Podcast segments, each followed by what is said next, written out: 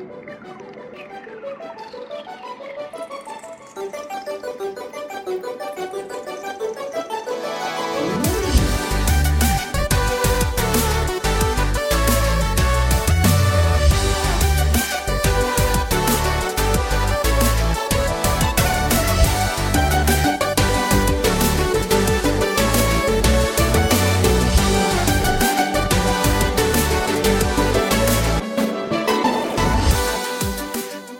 Hjertelig velkommen tilbake til Sidequest, dette lune eh, pauserommet i hverdagen.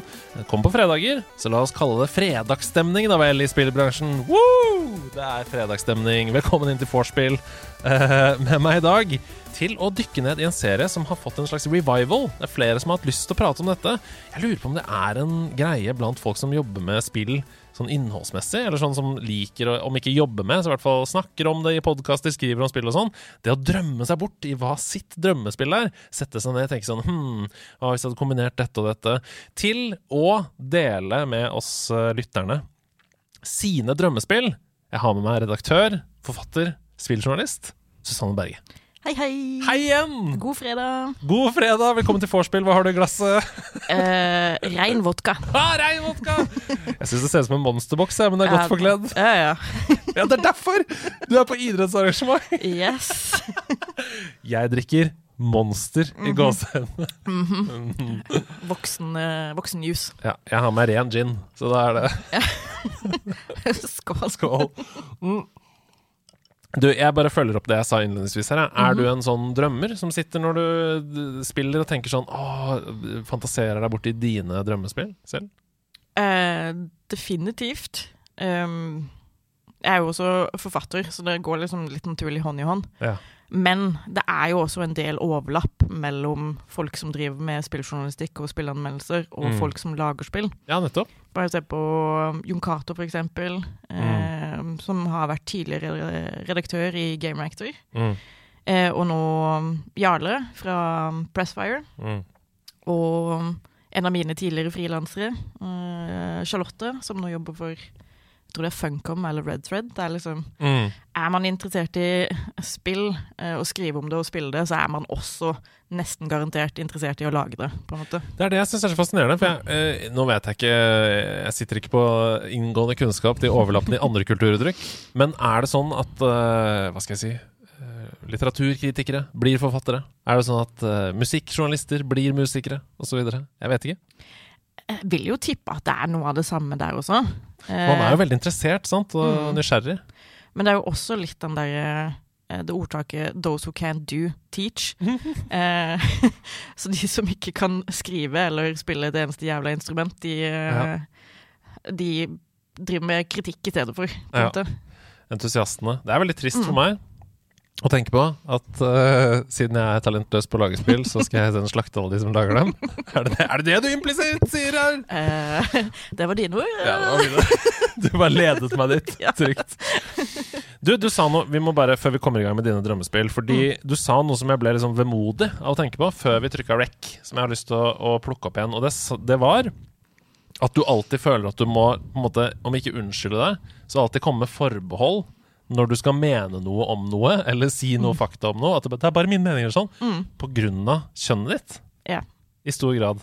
Ja. Har du lyst til å si noe om det, eller? Eh, altså Nå har jeg jo vært spilljournalist ganske lenge, Mm. eh, og opp gjennom åra så har jeg jo fått en del kommentarer. Mm. Eh, mange som går gjerne i den eh, leia at eh, du er for dum for et spill å spille, hva?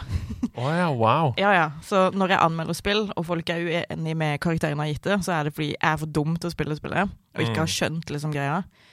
Eh, og det blir hele tiden stilt spørsmål med liksom, ting jeg skriver, eller ting jeg sier, og, og sånne ting. Eh, Og jeg tror nok eh, Jeg skal ikke påstå at mine mannlige kollegaer ikke får kritikk eller spørsmål, de heller, men jeg tror de er litt, sånn, litt annerledes eh, mynta og ment når det er eh, retta mot meg, da, eksempel. Mm. Og nå er det jo ikke veldig mange damer som driver med spilljournalistikk i Norge.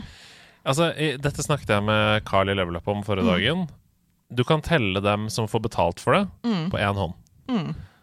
Og det er et problem. Ja, Et stort problem eh, som vi alle har ansvar for å jobbe med. Ja, så hvis vi teller altså folk som får betalt for det, og folk som ikke får betalt for det, sånn som meg eh, Ripp lommeboka mi. eh, fordi spillene blir så jævlig dyre. Ja. Eh, så er liksom prosentandelen er på ca. 7,9 prosent Mm. eh, kvinner som driver med spilljournalistikk. Eh, og det er ganske lite. Det er litt bedre i podkastverdenen, for det er liksom 12-13 ish. Mm. Eh, nå har jeg ikke noe liksom kilder å vise til, fordi dette er fra en Nei, artikkel Dette er Sidequest også, folk. ja, ja. ja, ja. Dette er liksom fra en artikkel jeg skrev for en del år tilbake, men Mm. jeg tar liksom Med jevne mellomrom så sjekker jeg de jeg sjekka den gang, og ser om det har skjedd noen endringer, og det Mm. har, det har ikke det, altså. Nei. Fordi um, du har jo jobba i Game Reactor. Mm. Du, jeg bare la merke til at du uh, sa 'du er for dum at uh, spill'. Mm. Og Game Rector er jo en panskandinavisk eh, publikasjon. Mhm. Var det verre da? Har det blitt bedre?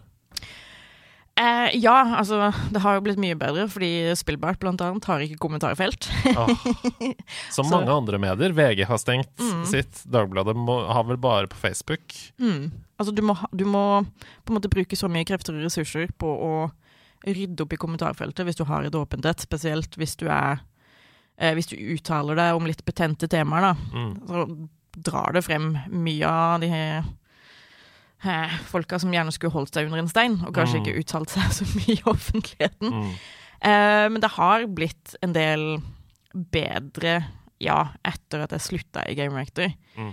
Eh, men Game Reactor generelt, og dette har vi jo snakka om under Crunch Culture-episoden, eh, var jeg ganske drittsted å jobbe. Sånn punktum, liksom. Mm.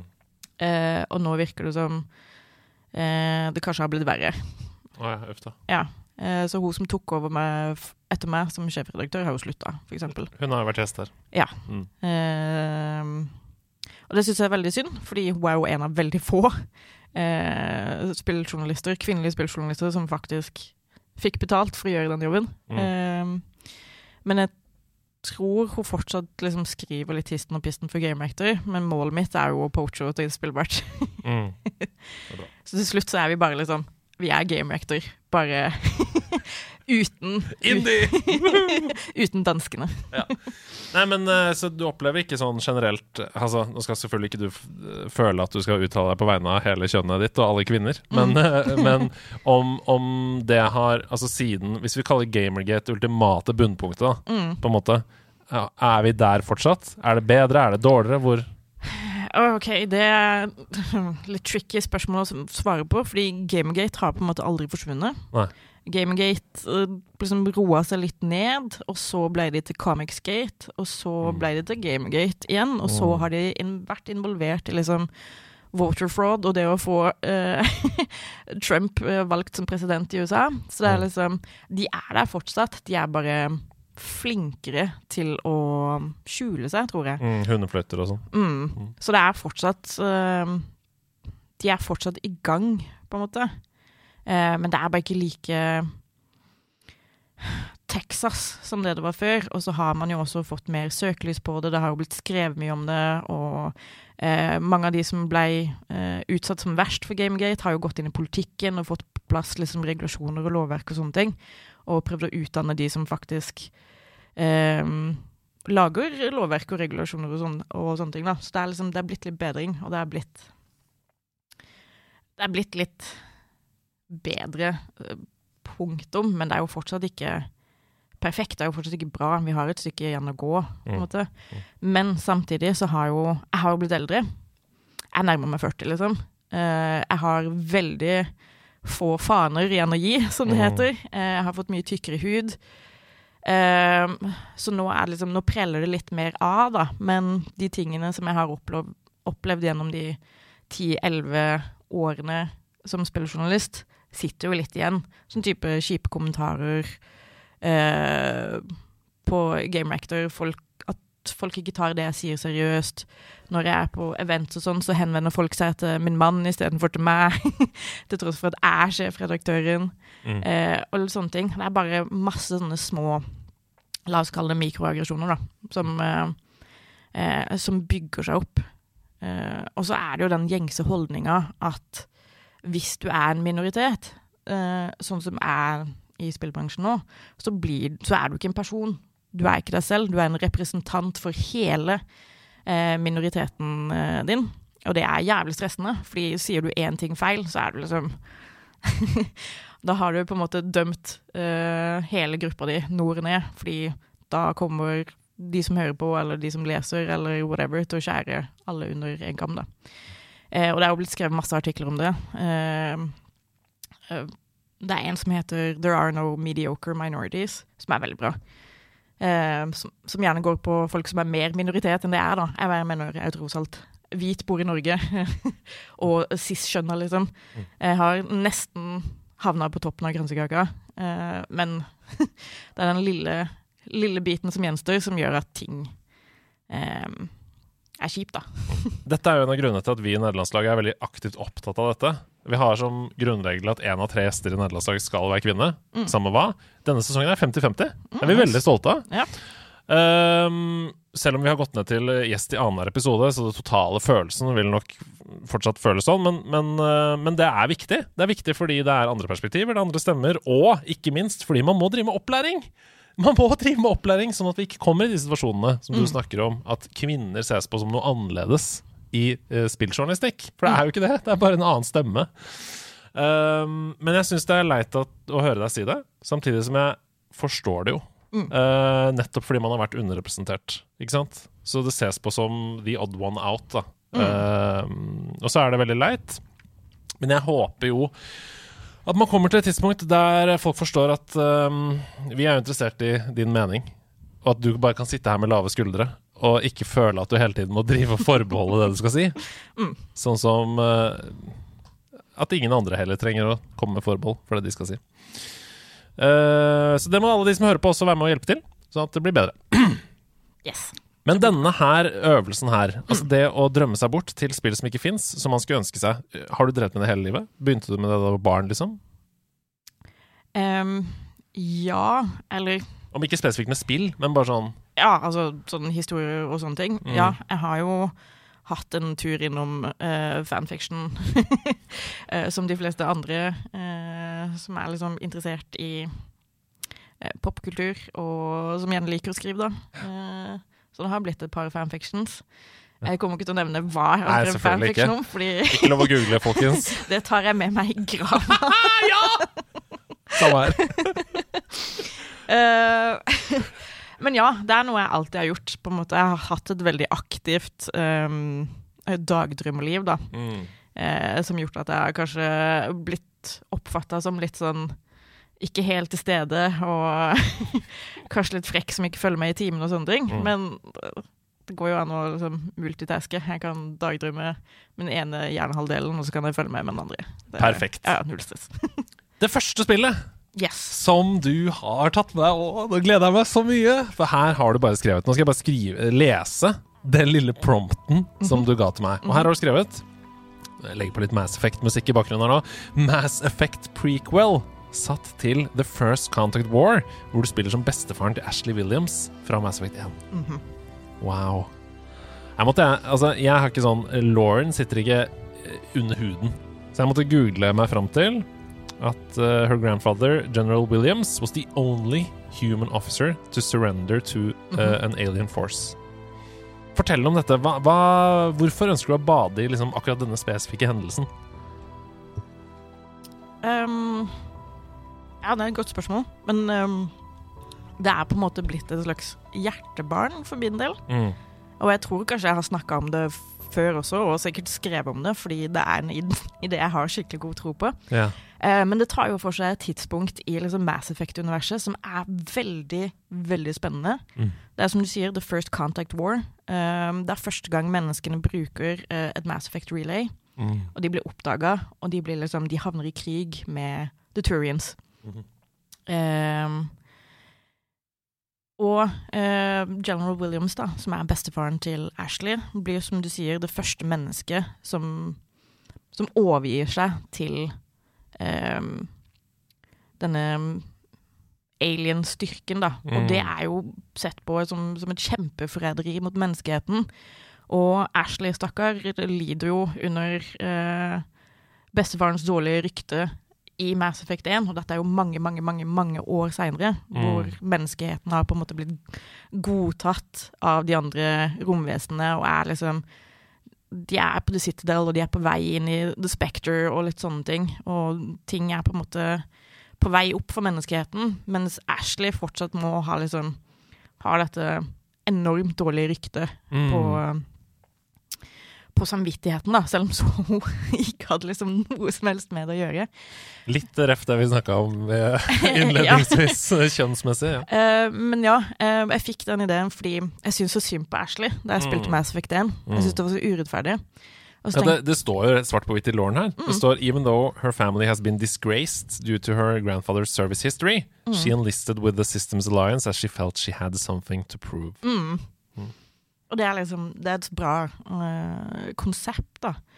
Uh, og så begynte jeg å tenke på liksom hvilke avgjørelser som fører til at General Williams bestemmer seg for å gi opp Shang-Chi, som er den uh, menneskegarisonen da, som blir uh, overgitt til Turians. Og liksom bare alle disse Hvor er det snøballen begynner å rulle, på en måte? Ja Som fører til at det er dette som blir avgjørelsen. mm. Og så tenkte jeg at det hadde vært jævlig kult å vært med på den reisa, da. Ikke sant. Du har, lyst, du har lyst til at spillet skal slutte etter at uh, han overgir seg? Mm. Åh, det er perfekt slutt. Wow. Eller det kan bli det, da. Det kommer an på hva som leder opp til det. Ja, ja. Um, og jeg har liksom litt lyst på et litt, sånn, et litt tightere Mass Effect-spill, da, fordi uh, Mass Effect, det første, var jo skikkelig åpen verden og tjohei og tralla. Og her var det bare Mm. å kjøre rundt i makoen og kuke rundt til alt hjertens lyst, liksom. Mm. Men så har de liksom stadig stramma det inn. I toeren mye tightere. Mm. Treeren er jo nesten ikke åpen verden i det hele tatt. Det er liksom, det er nesten kun narra narrativ, på en måte. Mm. Og du blir guida hele veien. God of War, Last of Us, liksom. Ja, Mm. men det er et fuckings bra spill. Jeg er kjempeglad i treeren. Ja. Um, jeg har en alternativ slutt til det, uh, men det kan vi ta en annen gang. Det kan vi ta i sidequesten. ja, ja. Eh, Mass Effect 3, dypdykk, alternativ slutt. Yes. Uh, og den er jævlig bra, spør du meg. Um, uh, men det er liksom Og så gikk de for åpen verden igjen i liksom Mass Effect Andromeda, og det funka liksom ikke etter Mm. at du hadde fått den Regissert opplevelsen. ja, Liksom. som er så bra i treeren, og så blir det bare litt sånn løst og litt vagt igjen, og så har du ikke den overhengende trusselen fra uh, The Reapers, Mm. som er dritskumle, og som bare henger over og har en sånn lang skygge over hele Mass Effect-trilogien. Mm. Uh, og den har du ikke i Andromeda, og det er liksom da er det ikke like mye som står på spill. på en måte. Andromeda blir bra når du endelig får knytta det til den første trilogien. Mm. Da blir det kult. Men det er jævlig langt ute i spillet. Du, du nevnte jo dette så vidt uh, mens du snakka nå. Du sa at du gjerne ville tighte det opp litt. Men jeg har Mm. liksom noen spørsmål sånn Skal, skal du ha den samme uh, sjangeren som de andre Mass Effect-spillene? Eh, skal du gjøre noen gameplay- gameplay-endringer? Gameplay. Gameplay. Ja, det blir en datingsimulator. Eh, Det er så bra, fordi vi hadde Pridefest her. Eh, og da hadde vi Vi bare teipa over M-en i Mm. Let the Games Begin, sånn at det ble Y isteden. Let the Games Begin på Yes. Syns jeg var helt mwah, nydelig. eh, men ja, nei, jeg vil jo beholde mye av den der samme uh, Mass Effect-følelsen, da. og BioWare-stilen. Så det skal være Jeg vil jo at det skal være et rollespill, på en måte. Bare at du ikke får lov til å mekke din egen karakter. Du må spille som General Williams. Mm. Eh, eventuelt, for å liksom blidgjøre rollespillfans, så kan du spille som assistenten, løytnanten eller et eller annet, til General Williams, og så er du bare vitne til hans sitt uh, uh, Inevitable downfall. Ja, ja, Mm. rett og slett. Uh, men jeg tror det kuleste og historiemessig beste hadde vært å spille som han selv. Men jeg vil at du skal ta avgjørelser. Mm. Eh, at du skal kunne ta avgjørelser og gå forskjellige veier, men uansett på en måte hva du gjør, så kommer du til å havne på det punktet hvor du må overgi Mm. garisonen din. Men det kan være av vidt forskjellige grunner. Mm. Og hvem du står der med, Mm. er forskjellig. Og, Mm. og ja, altså, om, du er, om det er en måtte føles som en samlet avgjørelse, eller om du står i det helt alene, f.eks. Mm. Er, du, liksom, er du en folkehelt sånn egentlig, eller er du en diktator? Eller er du Mm. liksom Det er mange veier å gå, da. Og selv om slutten er bestemt, så er liksom Det blir reisa dit som er det viktige, da. Jeg har to spørsmål til. Mm. Det ene jeg lurer på, er um, er det tilstrekkelig med håp i denne historien? Eller er det bare mørkt, liksom, hele veien? Altså, Med tanke på hvordan vi vet hvordan det går med menneskeheten videre, så er det jo så klart håp. ikke Eh, men for akkurat dette spillet, så, så er det jo ganske dystert. Mm. Eh, men det er jo litt det eh, jeg liker, da. Mm. Litt sånn Christopher Nolan-prequel. Ja, Dark Night, liksom. ja, ja det, det, skal, det, skal være litt, det skal være litt grimdark, da. Ja. Med liksom isbed, litt hyggelige øyeblikk. Ja. Eh, men de høye, hyggelige øyeblikkene er som gjerne en pekepinn på at nå kommer det til å skje noe virkelig dritt. Mm. Eh, Ref eh, Logan, for eksempel, som er et prakteksempel på, eh, på den type historiefortelling, da. Jeg eh, lurer på om det er noe fra originaltrilogien som du har lyst til å flette inn? Altså Har du lyst til å vise frampek, f.eks., i flashes, eller er du Har du lyst til å liksom hekte det på, eller skal, skal man kunne spille dette spillet helt uavhengig av de tre spillene? Eh, både ja og nei, holdt jeg på å si. Jeg vil jo at man skal kunne spille det helt uavhengig, men det kommer jo så klart til å ha mer liksom, impact hvis du har spilt de andre spillene. Mm. Men jeg tenker også det hadde vært kult å liksom kanskje få se noen yngre utgaver av uh, folk og fe vi møter i Mass Effect 1. Mm. For der er det jo en del veteraner du støter på, både fra liksom, den turianske siden av krigen, eh, men også menneskesida, da. Mm. Eh, og kanskje liksom introdusere de mye tidligere, hvis det er støtte for det i, i Lauren. Mm. Eh, men det tror jeg at det er. Eh, rett og slett. Det tror jeg hadde vært jævlig kult. Hvis man kan lure inn liksom Admiral Anderson der på et tidspunkt, eh, eller en veldig ung Gareth. For eksempel, eh, så hadde det vært veldig, veldig gøy. Eh, det mest interessante blir jo å se om spillet er interessant når du tar vekk muligheten for å bange en gjeng med aliens. Fordi det blir det jo lite av i The First Contact War. Med mindre General Anderson har en illicit affair med en Turian, og det er derfor han overgir eh, den eh, kolonien sin. Mm. Jeg håper den eh, kjærlighetshistorien blir beskrevet bedre enn i Peter Jackson sin Hobbiten-trilogi. Hæ, hva mener du? Nei, den er jo plettfri! ja, ja, ja. Ikke liksom uh, ham-fisted at all. Nei, men så gøy. Det er kjempespennende. Jeg skjønner ikke annet enn at BioWare bør ringe deg. Uh, jeg tror, tipper du ikke tar telefonen med tanke på hva du vet om arbeidsforholdene i Bio BioWare, men samtidig Ja, nå har, de jo, nå har de jo sparka en hel haug med folk, så kanskje Ja. de har plass til noen nye. Bra. Yes. Ring da, BioWare, Mm. hvis dere kan norsk. Ja. uh, så dere skal ringe. Vi skal til det andre spillet på lista di. Her har du skrevet et Souls-like RPG basert på Mistborn-bøkene til Brandon Sanderson. Mm. Det, det, har du lest hele denne serien? God, nei, hvem har tid til det? Nei, hvem har tid til det? Jesus Christ, som den fyren skriver. Ja. Og nå har de bare sluppet han løs på egen hånd med den der jævla kickstarter-campaignen. Ja. Nå, kommer aldri til til slutt. Men nei, jeg tenkte i første omgang basert på den første trilogien Ja. av Mistborn, fordi Mm. jeg føler den, den settinga og den handlinga låner seg veldig bra til ehm, til et Souls-like spill, eller Mm. Soulsborne, eller hva du vil kalle det. For de som ikke kjenner handling og setting, bare kort, liksom. Hvordan Det er vanskelig å ta kort, da. Men, eh, men eh, hvordan ser du for deg dette i spillform? Altså, er det, Hvem er det vi spiller som? Hvor er det vi begynner? Hva, ikke sant? Og sånne ting. Mm. Um, så jeg tenker at du kan mekke din egen karakter. Mhm. som er en såkalt uh, misting. Um, som er en person som har um, allomantiske krefter. Hvilket vil si at de kan spise en type metall, og så brenne det, eller forbrenne det, eh, i kroppen sin, og så får de en eller annen evne. Mm. Eh, så det er liksom 16 metaller det går an å brenne, på en måte. Eh, hvis du kan brenne alle, så er du det som kalles en mistborn. Mm. Ehm, og så er liksom settinga er på en måte, og historien er jo ehm, Det foregår i, i hovedsakelig en by som heter Lutherdale, -hmm. eh, som herskes over av The Lord Ruler.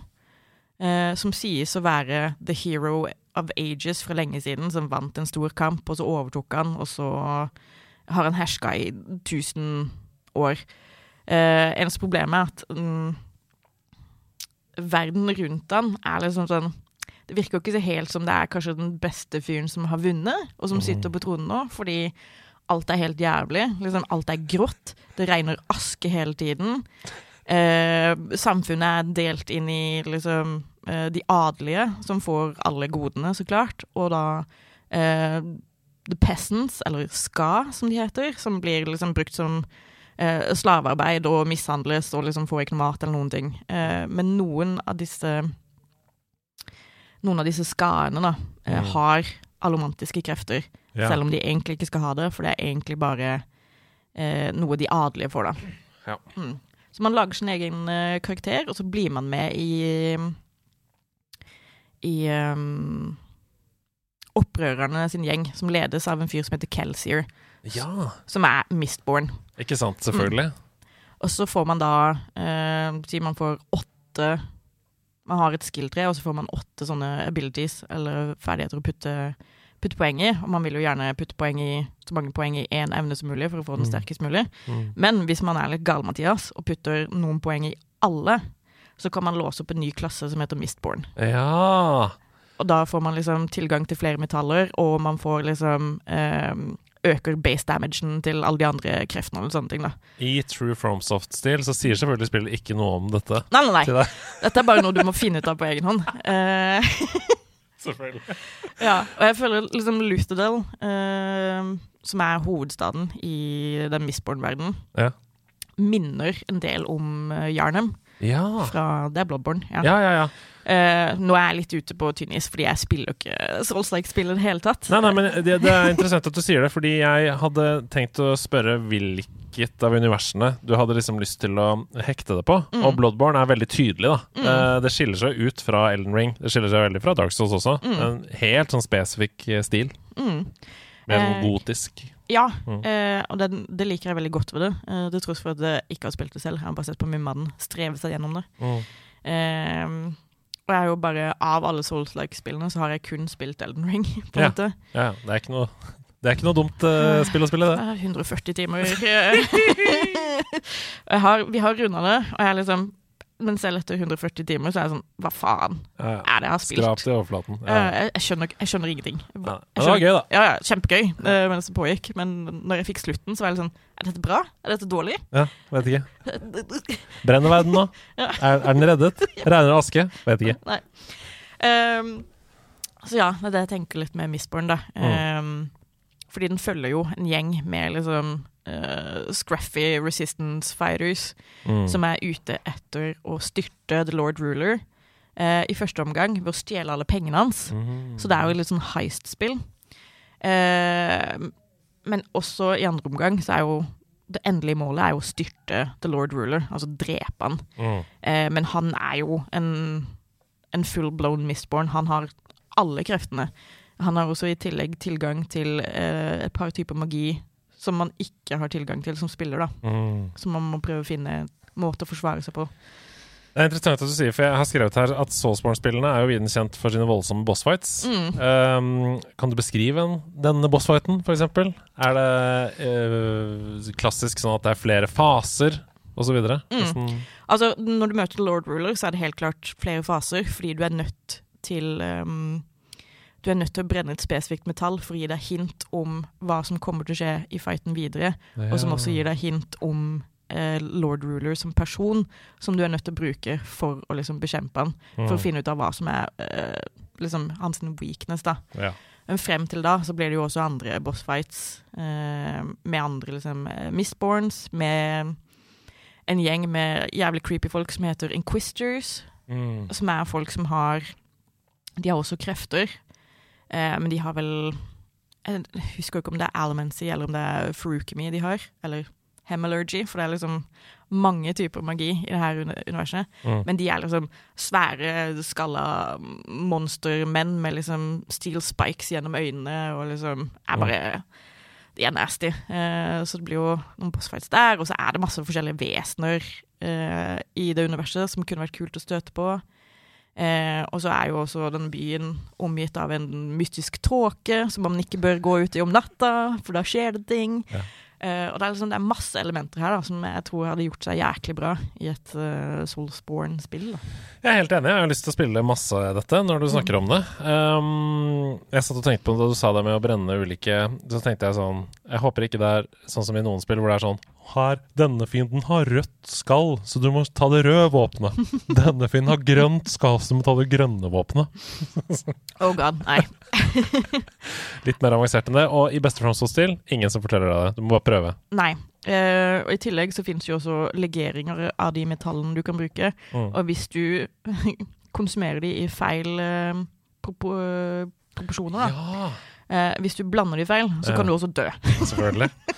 Perfekt. Så, så du må liksom Du må eh, ha litt sånn alkemi inni der og være litt sånn Du må kunne litt matte og regne ut hvor mange, hvor mange mol eh, tinn har jeg i denne oppløsninga, og kommer jeg til å daue, eller kommer jeg bare til å liksom eh, få litt vondt i magen? Ja, eller sånn. jeg liker det. Uh. It's a hard knock life. Sånn er det i virkeligheten nå. Mm. Uh, det skal være tungt å leve.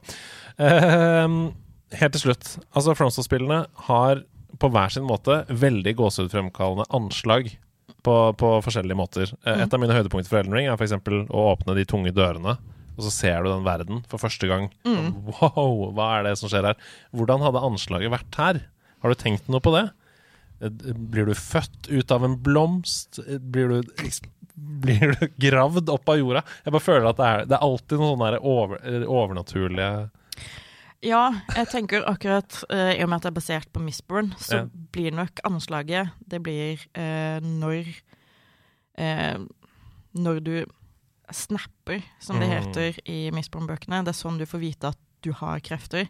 Ikke sant? Og du kan velge om du skal være liksom, en adelig, eller om du er en ska. Hvis du er en ska, så snapper du mest sannsynlig i The Pit of Hatchin, hvor du brukes som slave til å grave opp masse metall for The Lord Ruler. Eh, hvor du misbehandles eh, på det groveste. Det er der de fleste skarene snapper og får kreftene Mm. sine. Og hvis du er en adelig, eh, så blir du banka nesten til døde av faren din fordi han vil finne ut av om du er misborn eller ikke. Mm. Og så snapper du på det viset. Og så på en måte kommer du ut i verden og, og joiner kampen, da. Ja. Eller kanskje du velger å ikke joine kampen. Det er jo tross alt et Soulsborne-spill, så du kan jo eh, det litt som du vil. Og det første som skjer idet du snapper, er selvfølgelig rett inn i en character creator. Perfekt. Ok, Vi skal til det siste spillet på lista di. Det er overskriften 'Et spill à la Lair' eller 'Scalebound' eller 'Drakan', hvor du er dragen, muligens i VR. Og det passer bra, for du har jo snakka om Drakan her i nederlandslaget før. Stemmer det? Oi, oi, oi, oi, her er mange spørsmål. Um, begynne helt basic, da. Hvilken sjanger er vi her? Ehm, det er et godt spørsmål. Mm. Uh, jeg tenker egentlig litt sånn action igjen, RPG. Fordi, Ja, Action adventure slash RPG. Ja, fordi Liksom. jeg elsker å spille sånne spill. Eh, og jeg tenker også at det skal være en slags character creator, hvor du kan mekke din egen drage og sånne Mm. ting. Eh, og gjøre den så bøs eller så søt som du vil. Det er gøy, for det fins jo i, i veldig mange ulike fantasy-universer Så Mm. finnes det jo forskjellige drageraser Mm. um, som har helt ulik eh, fysisk uh, form, men Ja. som også har helt ulikt sinnelag og ulik bakgrunn. Mm. Åh, Det har vært gøy å velge mellom de forskjellige. Ja, så det er liksom, du kan velge Skal du være en vyrm? Skal du være en vurm? Skal du være en uh, wormling? Skal du være en vivern? Mm. Skal du være en liksom uh, Norwegian ridgeback? Eller skal Ja. du være en mer asiatisk type med lang kropp og liksom uh, løvhode, for eksempel? Eh, det er opp til deg. Åh, det er gøy. Kan det kan være mikroliten nå, kanskje? Sånn f- fise rundt. Ja, som, som i Mulan. Ja. kan det også. Ja, det er gøy. Det er mange kulturer i ett spill. Mm. Men ok, action-RPG. Eh, Mm. Gameplay-elementer her. Hva er, man, hva er målet? Hva er det du skal? Liksom? Uh, målet er uh, å redde et egg, som er liksom Det er, det er broren din eller søstera di, eh, som noen dumme mennesker har stjålet etter at de drepte mora di. Så du er ute etter hevn. Så målet ditt er jo egentlig bare rasere så mange menneskelandsbyer som mulig, og drepe så mange mennesker, og så finne dette egget. Det er gøy, fordi det neste jeg har skrevet, er Er dette enten A. Drømmen om å fly, eller er det B. Drømmen om å toaste folk med ild? Begge. fordi ja, det skal være mye flying, og det skal være aerial combat, fordi du må slåss mot andre drager og sånn også. Mm. Eh, eller drager som har blitt eh, enslaved av trollmenn. Mm. For det må man jo ha. Så de er blitt onde, rett og slett. Ja. Og så må du slåss mot dem, og så må du enten velge om du skal liksom redde livet ditt og sette dem fri, eller om du bare skal drepe dem også. Um, er, oppgraderer du dragen, eller lærer du deg evner, litt som Dragonborn? Altså at du har en thoom da, som er uh, ulike rop, som gjør at man får Hvordan hvor, altså For det blir jo litt sånn mekk-aktig, hvis Mm. man skal sånn sette på en, en ekstra vinge, liksom, på dragen. Ja, nei, det blir jo ikke typ den oppgraderingen, men jeg føler at du kan oppgradere angrepen du har. Ja, lære. Mm. Sånn som i Drakan, så kan du jo gi dragen din forskjellige typer angrep. Hvor liksom, du spiser en krystall, Mm. og den gir deg nye Ja. krefter. Så du, du starter jo med ildangrep, som er liksom standarden. Mhm. Og så får du is, og så får du strøm, og så får du syre, liksom. Ja. Eh, så jeg tenker noe i den retninga, da. Mm. Eh, og så kan du jo så klart eh, putte poeng i styrke, for eksempel. Mm.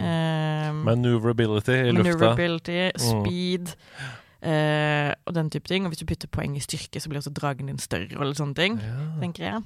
Uh, mm, Litt som i GTA San Andreas. Du bare pumper litt, så blir det yes. eh, og så blir det jo så klart Du får oppgradere deg selv, men det blir også gradvis vanskeligere fiender. Altså Du starter med små landsbyer hvor folk er der med pil og bue, liksom. Og ja. kaste stein på deg. Og så kan du jo velge om du skal Om du skal drepe alle folka, eller om du bare skal liksom fly forbi for å se om de har et egg. Og så støter du jo på fort, og du støter på slott, og så drukker du opp liksom trebuchets og ballistas, og så Mm. kommer det liksom magiske angrep og sånne ting. Mm. Mm. Er det, Um, dette er jo klassisk uh, vei A eller vei B å gå i sånne spill, men Mm. er det level-baserte områder, eller er det scalable enemies som skalerer med din level? Sånn at eh, i, i Westfold, der er det level 30 til 40, Mm. mens i North, der er det 15 til 20, for eksempel. Eh, Jeg vil ha level-baserte fiender, for jeg vil at du skal komme tilbake til Ja. et eh, nivå som var liksom Eller level som var vanskeligere tidligere, Mm.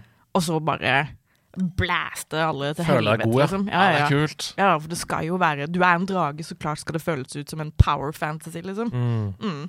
Ja, det er kult. Eh, dette er et veldig banalt spørsmål. Her kommer Andreas, ni år. Hvorfor får ikke drage vondt i halsen av sprutil?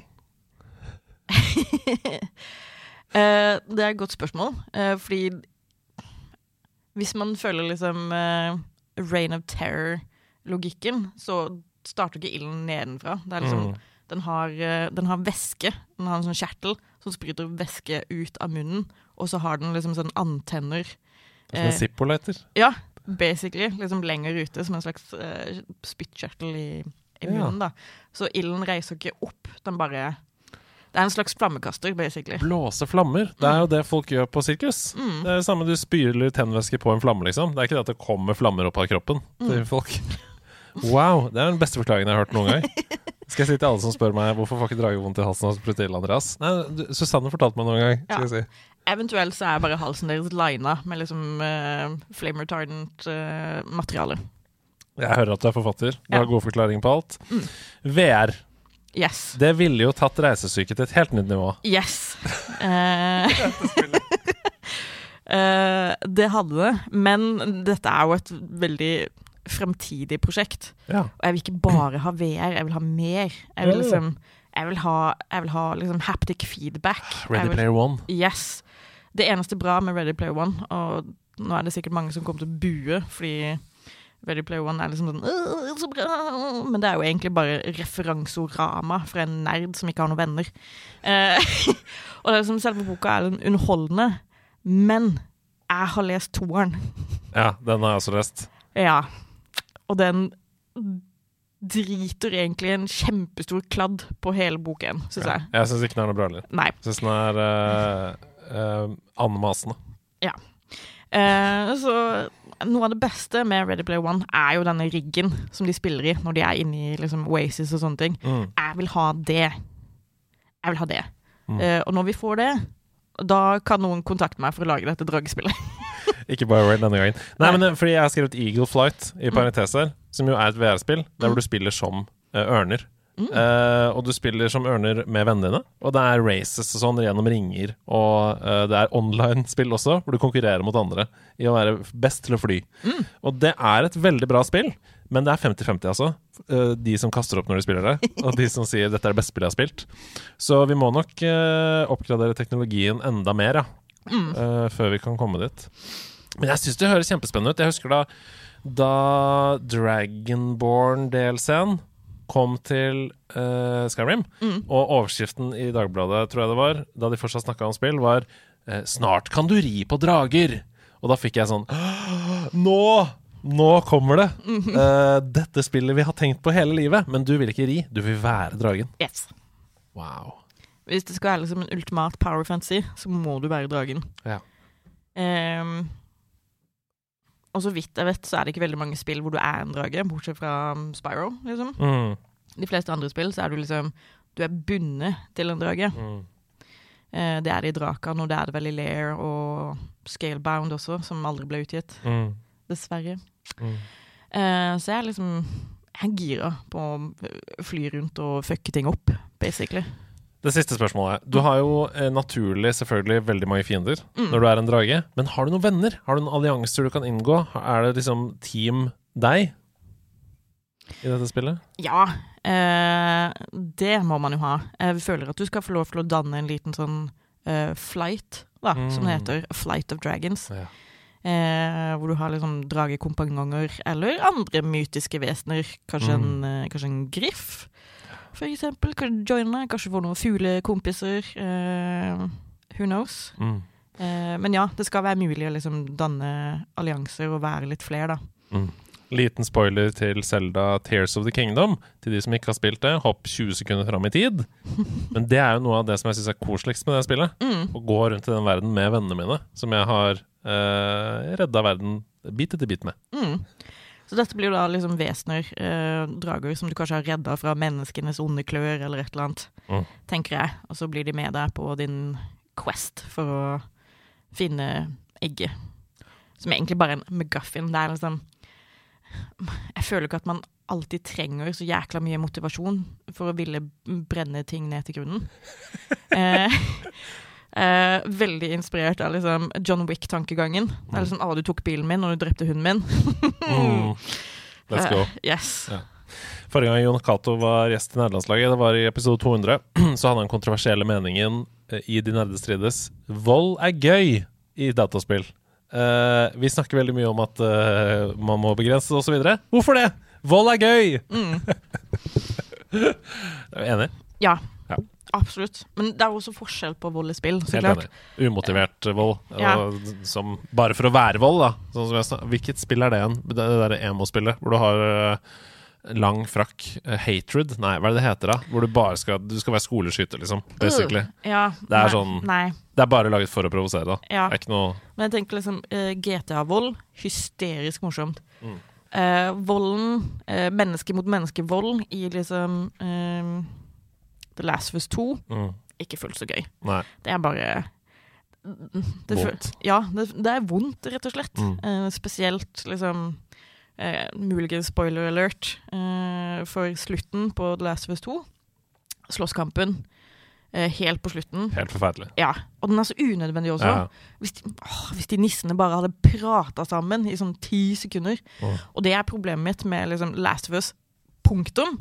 Hvis noen bare hadde gitt disse idiotene én time terapi, så hadde hele situasjonen i både første og andre spillet vært unngått. Ja. Ja. Jeg er helt enig. Kanskje terapi er langt nede på rangstigen over Maslows behovspyramide når verden har gått under. Men jeg er helt enig. Ja, På, resept med terapi. én time. Alt du trenger. Tusen hjertelig takk for nok en fantastisk eh, episode med deg, Susanne. Vær så god. Og takk for besøket. Vi skal høre fra deg neste uke. Da skal vi fly som en drage til Østens land. Jeg gleder meg. Yes.